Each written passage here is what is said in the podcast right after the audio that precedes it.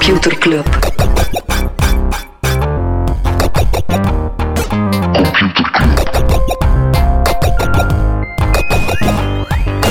Computer Club. Hey Smolly, Hey Freddy, welkom, welkom terug. welkom. Welkom bij Computer Club, een wekelijkse podcast over technologie.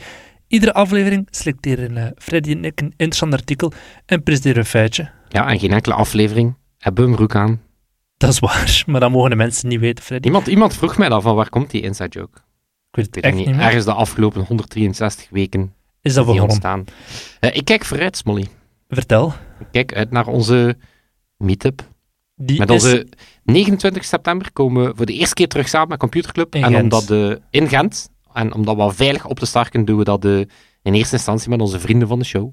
En die mogen ook een vriendje meepakken. Dus, eh, dus ja, Hoe kun je vriend worden? Eh, via vrienden.computerclub.online. En je krijgt er ook, we hebben daar ook wat voordelen tegenover gezet. Stickers, ja, toegang tot die meetup. Maar we hebben bijvoorbeeld ook ah, heel wat kortingen bij allerhande coole webshops, ook die van ons.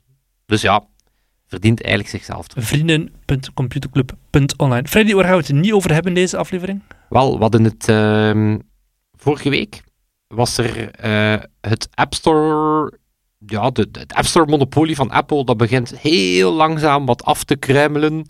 We hadden het over het feit dat Apple een toegeving deed dat je als ontwikkelaar nu ook via e-mail mag aan je klanten vertellen dat ze ook via jouw site een abonnement kunnen nemen. Wel, eh, na een onderzoek van de Japan Trade Commission eh, komt er nu zelf de, eh, de uitzondering dat je ook een één link in de app mag plaatsen. Eén.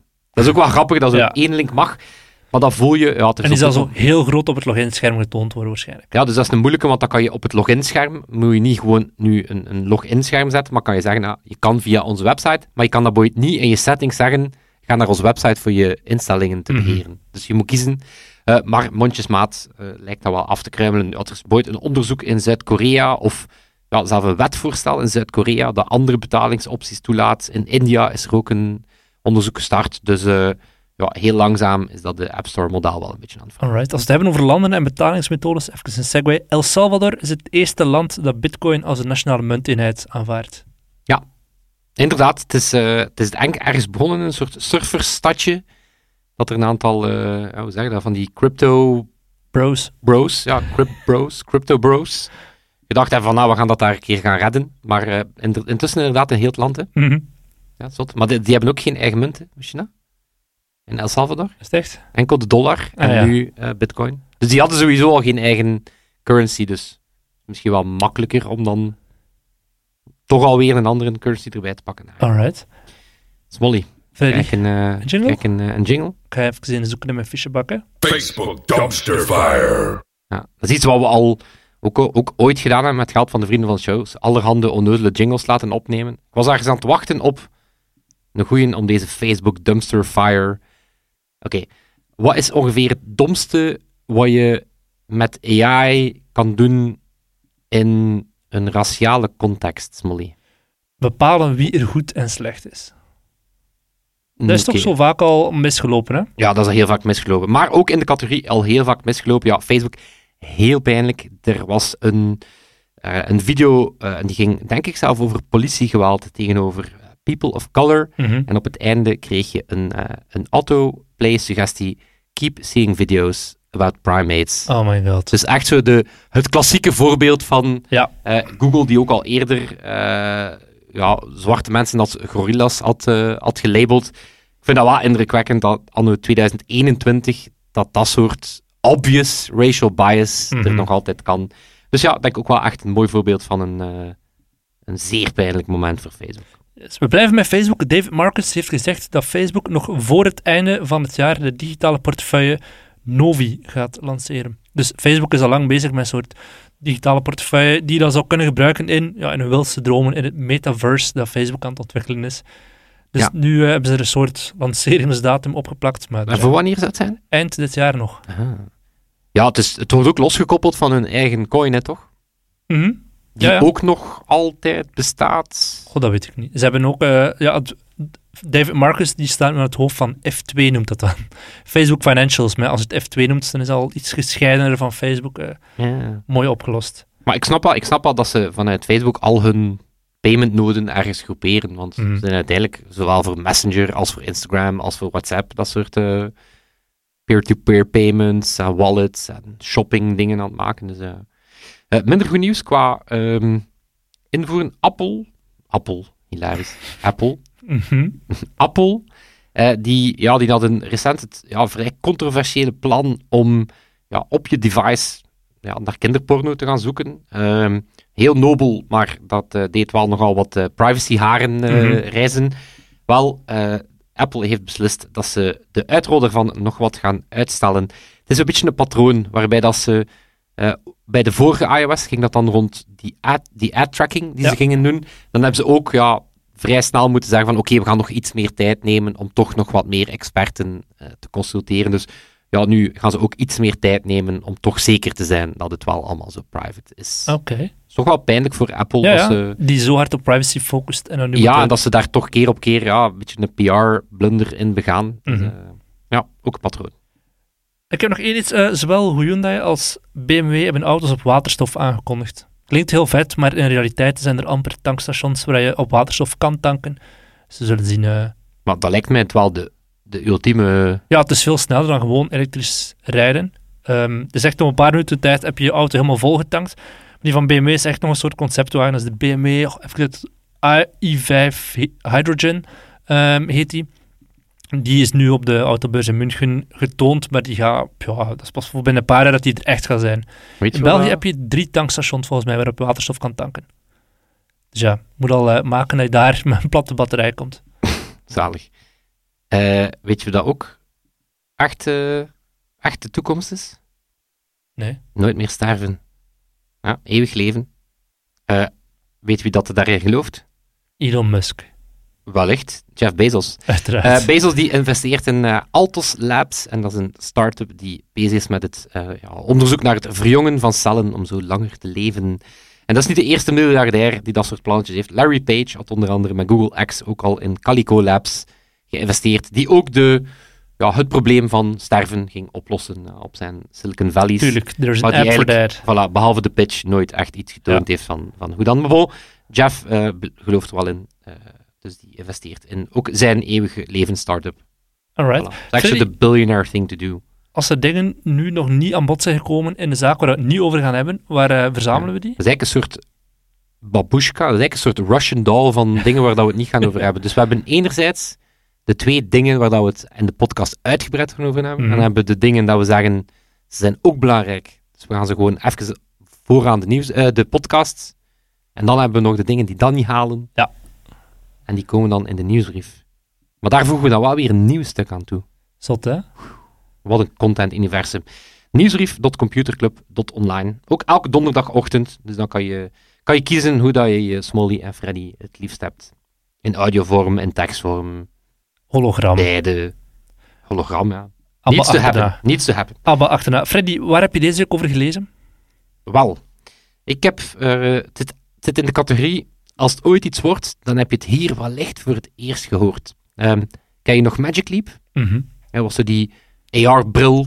XR, Mixed XR, Reality. Ja, voilà. Dus, en, en wat was Magic Leap? Of wat was daar heel zot aan? Bestaat het bedrijf niet meer?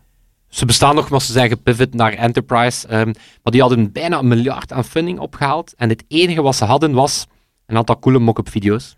Dus die hadden bijna een miljard aan investering, maar enkel een chique pitch. Wel, deze week haalt Humane eh, meer dan 100 miljoen op in een Series B, dus in een tweede fundingronde. En het opmerkelijke is dat er niks, maar dan ook niks te vinden is over wat dat ze aan het maken zijn. Ehm, en ik ben ook op onderzoek gegaan van, oké, kan ik al iets ontdekken?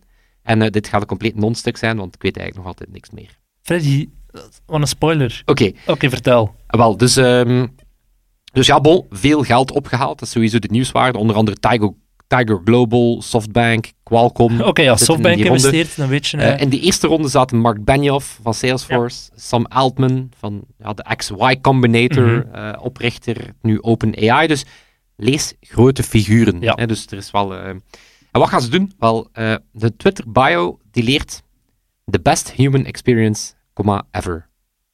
Oké. Oké. ja. Dan ben ik op zoek gegaan naar hun persbericht. Ehm, waarbij dat ze zeggen, ah, we willen design en engineering combineren om the next shift between humans and computing tot stand te brengen. Oké. Ehm, en ja, het gewicht ligt er echt op dat ze... Het, is, het zou echt big moeten zijn. Het zou echt de, vergelijkbaar aan de impact van de, van de iPhone. Dus die zeggen van, ja, weet je, als je ongeveer op cyclussen van 15 jaar denkt, wij gaan hier echt wel voor de next big shift. Weten er we nog altijd niks meer mee. Ehm, dus wat zeggen ze? Het is, het, is, het, is heel, het is heel poëtisch hoor. Ze zeggen van, we're an experience company that creates products for the benefit of people. Crafting technology that puts people first. A more personal technology that goes beyond what we know today. We're all waiting for something new. Something that goes beyond the information age that we have all been living with. En hier komt hij. At Humane, we're building the devices and the platform for what we call the intelligence age. God damn. Geen idee. Geen idee wat dat is, maar ze zijn committed to building a different type of company founded on our values of trust, truth and joy. Never heard that before. Ja, en te dat TechCrunch, die hebben dan um, wel geprobeerd om meer informatie los te krijgen. Ik heb, ik heb ze zelf niet gemaild, maar uh -huh. had me waarschijnlijk ook niet gelukt. Maar zelf TechCrunch, die krijgt wel een antwoord en daar was het, wel, we willen technologie maken die the human experience improved and is born out of good intentions. Products that put us back in touch with ourselves, each other, the world around us. Experiences built on trust, with interaction that feel magical and bring joy. En wie zit het is echt achter? Zo, weet, weet, het is echt zo, als, je een bol, als je een bol pakt, of, of, of, of LSD doet of zo, ja.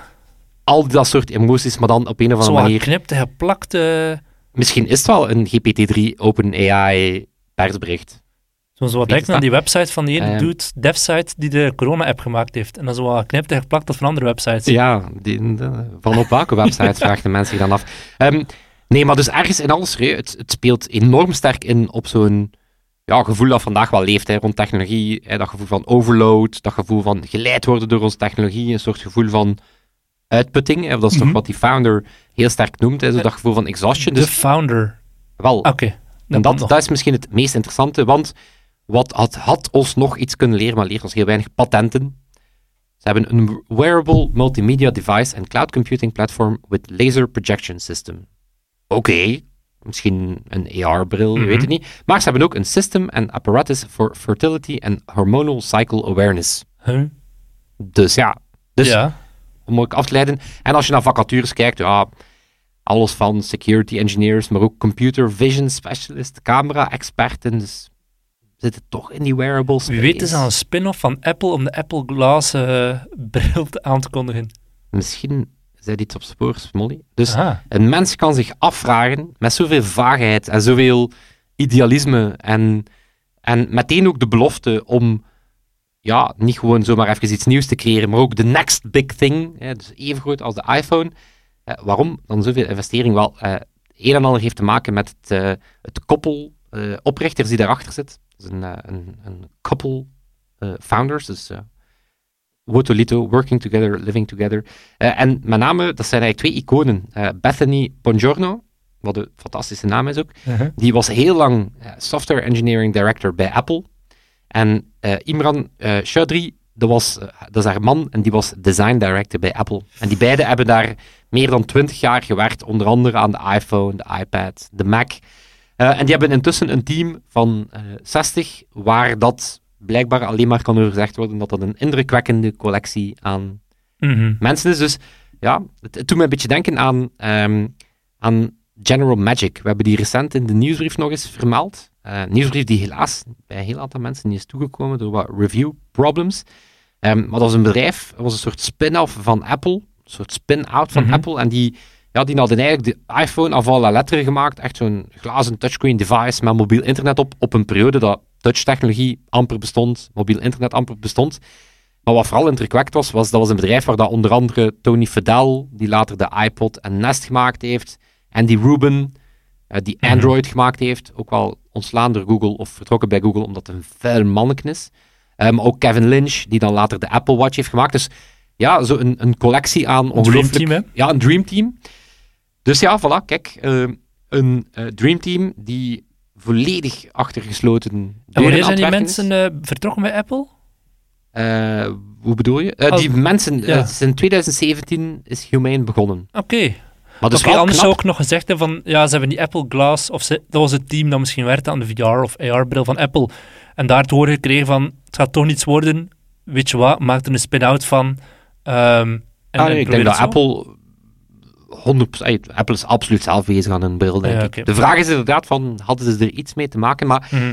dus ja, voilà, kijk, eh, als, als we ooit in Computerclub binnen tien jaar terugkijken, of heel veel babbelen over Humane, wat dan zo wat het nieuwe Apple moet zijn, voilà.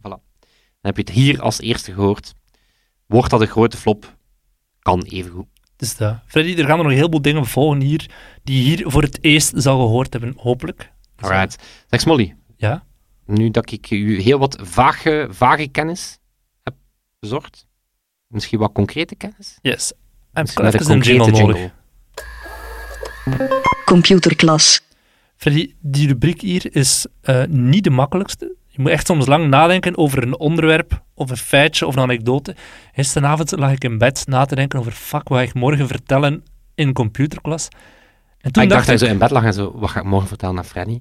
Oeh, dus zo van, hè, zo van oh, ik ga hem vertellen over mijn nieuwe telegeleide auto. Ja, ja, het was een beetje in die aard. Nee, ik had een maar dan vraag. meer echt over... Het was Vlak eigenlijk zakelijk, dat je, dat je aan computerclub dacht. Nee, nee. Ik, ik had een vraag die plots in me binnenschoot en die was, zou je een computer kunnen opeten? En dan ga ik uiteraard meteen gaan zoeken eh, online. Er zijn uiteraard artikelen die dat uitleggen of je een computer wel of niet kan opeten. Er zijn uiteraard verschillende risico's aan verbonden. Je hebt het stikgevaar. Heel veel onderdelen aan je computer zijn, eh, zijn niet zacht, wat dat heel moeilijk is om die door te slikken. Je zou dus ze al in kleine stukjes moeten snijden. Ik ben echt nog altijd gewoon aan het bekomen van de insteek van dit, van dit stuk. Dat was letterlijk het laatste waaraan ik dacht toen ik in slaap viel gisteren. Fuck, zou je een computer kunnen opeten? Je zou dus al die computer in kleine stukjes moeten snijden. Ehm, er zitten heel veel scherpe zaken in die je ingewanden kunnen opensnijden. Dus ook daar, dat proberen we een beetje af te vellen. Er is kans op metaalvergiftiging. Eh, zeker vroeger zat er heel veel arsenicum op een moederbord. Niet genoeg om je te vergiftigen. Dus als je meerdere computers zou eten, zou je sowieso sterven door het arsenicum. Er zit daarnaast ook aluminium, lood, kwik, cadmium en beryllium in eh, een laptop of in een computer. Een beetje minder wel dan vroeger. Lood, de vraag is daar, hoe snel gaat het door je maag? Je kan sterven als er te veel lood in je maag zit. Maar als het er snel genoeg door zit, dan, dan, dan lukt het om een Ik computer het op te eten. hilarisch dat je de onderdelen aan het opzommen bent van de computer dat je niet kunt opeten, terwijl dat... Ik was gewoon al benieuwd naar welke stukken je wel opeten. aluminium en zo. Denk, allee, als je dat op het gemak doet. Hè. Ehm, maar het goede nieuws is dus, eh, het wordt wel steeds minder dodelijk om een computer op te eten. Eh, sinds 2006, dankzij de EU, zit er geen eh, cadmium en lood meer in een computer. Dus als je een oude computer van ervoor opeet, pas op daarvoor. Eh, en arsenicum zit ook steeds minder op een moederbord. Maar, en hier komt het maar, er is ooit een man geweest, Michel Lotito, die heette Monsieur Manchtou. Die eh, heeft onder andere fietsen, een televisie en een vliegtuig opgegeten. Een klein vliegtuigje wel, op twee jaar tijd. Maar die is er ook in geslaagd. Die heeft een computer Nee, nee, opgegeten. ik beeld- was ik mij aan het inbeelden dat dat gewoon zo deel was van één sessie. En Dat zo, is zo nee, nee, menu nee. zo van, ah, weet je. Nee, nee, hij had ongeveer een kilo materiaal per dag. Meestal zo in shows en zo. Maar die heeft letterlijk een computer opgegeten in verschillende stukjes. Waanzin, toch? Het kan dus om een computer op te eten. Moest je ooit honger hebben en je hebt enkel je MacBook mee op vakantie op een onbewoond eiland. Het kan. Ik weet niet het voedzaam is, maar het kan. Ik ben mij nu aan het inbeelden. Dus onze podcast, ja, die, die wordt verspreid van mouth to mouth. Ja. Mond, mondreclame. Mensen zeggen dan, ah, dat is een... Of zeggen dan hopelijk, ah, dat is een boeiende podcast. En, en nu, nu ben ik mij aan het inbeelden de persoon die, die, de- voor wie dat dit de eerste aflevering is.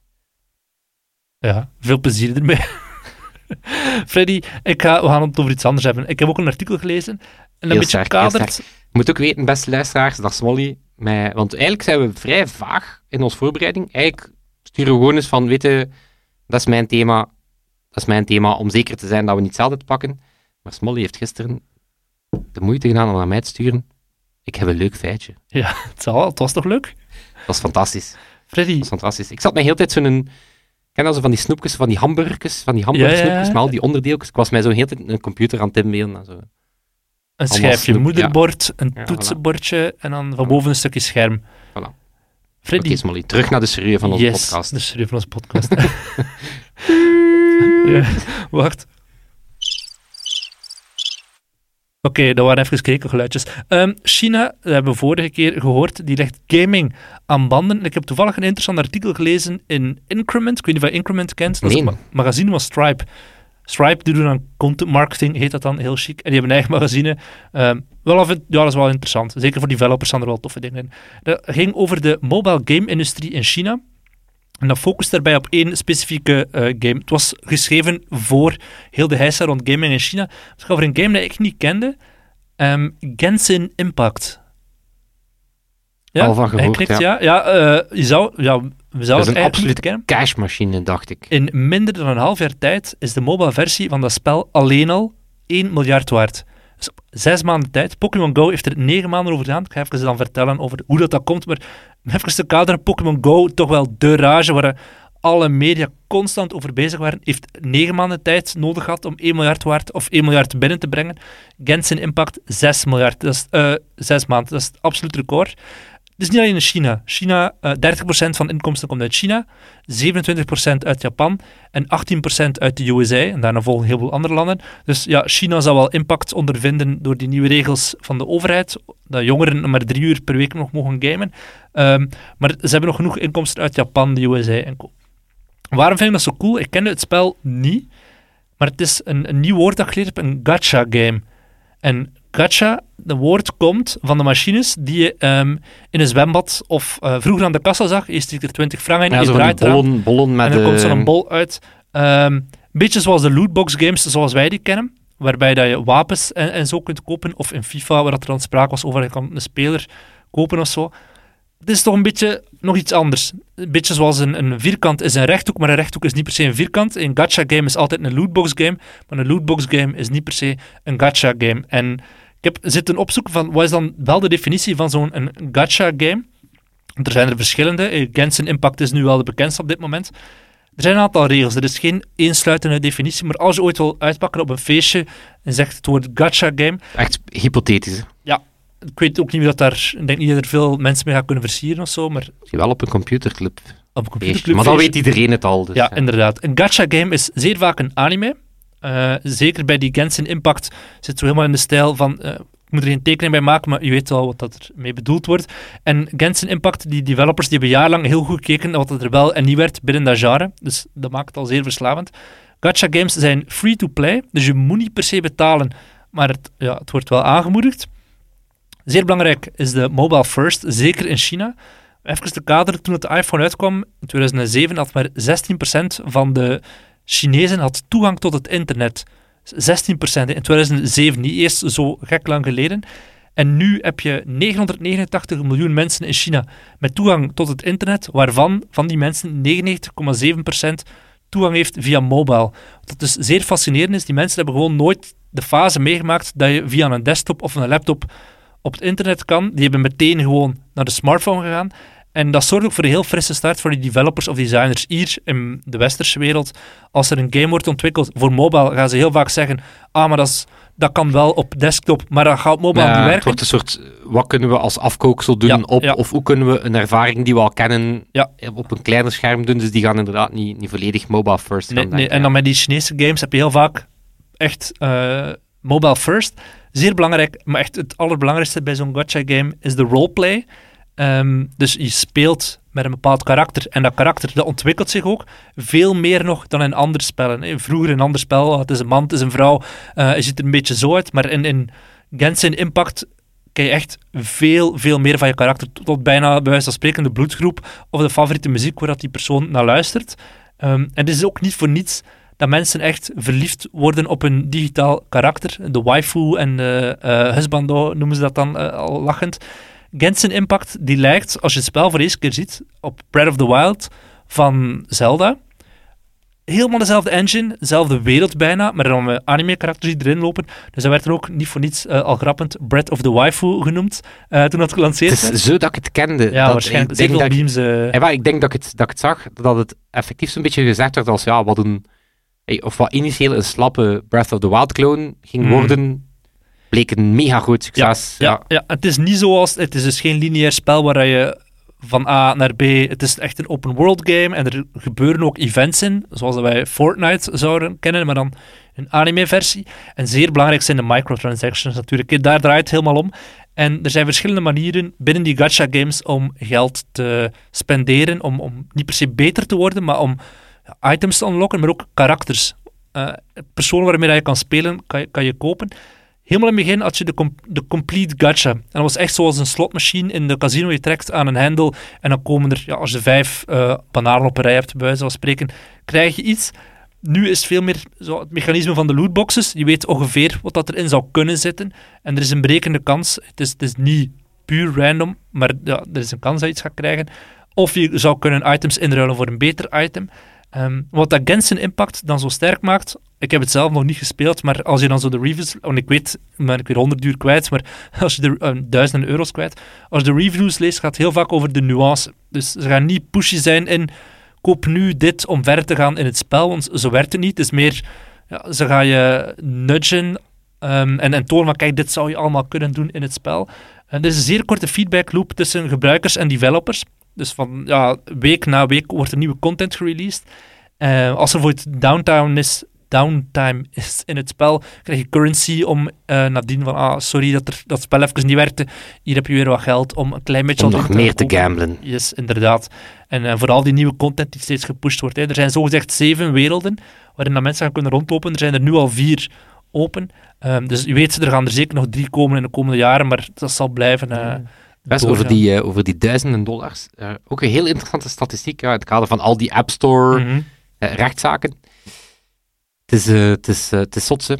De helft van de App Store revenue, dus, dus de App Store revenue komt met voorsprong het meest vanuit games. Mhm.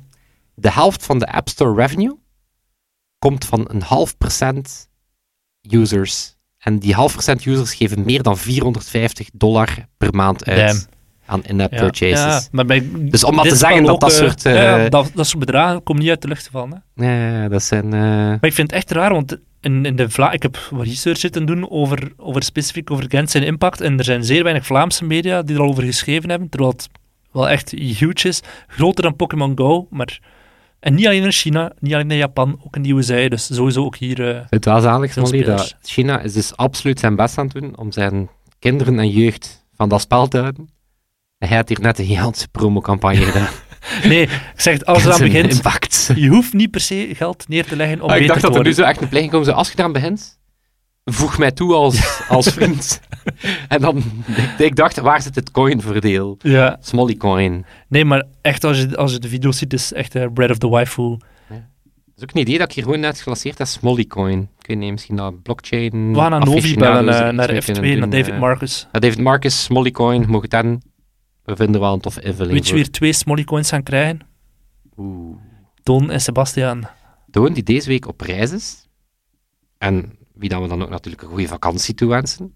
Eh en Sebastiaan die de edit doet. Oké, En ook al onze vrienden van de show natuurlijk, die we op 29 september gaan ontmoeten. Samen met hun vrienden. Dat gaat Max zijn. En natuurlijk iedereen van Computerclub. Die ons elke week bijstaat in ons avontuur. yes. En die in de Facebookgroep links delen. En, die ervoor zorgen dat. Smolly zich heel belangrijke vragen kan stellen als kan ik een computer opeten? Het antwoord is ja, en dat gaan we bij deze proberen, Freddy. Oké, en dan zal het met alle ja, risico's van dien. Misschien zijn. buikpijn. Tot volgende week. Tot volgende week. Yo. Yo. Computer Club.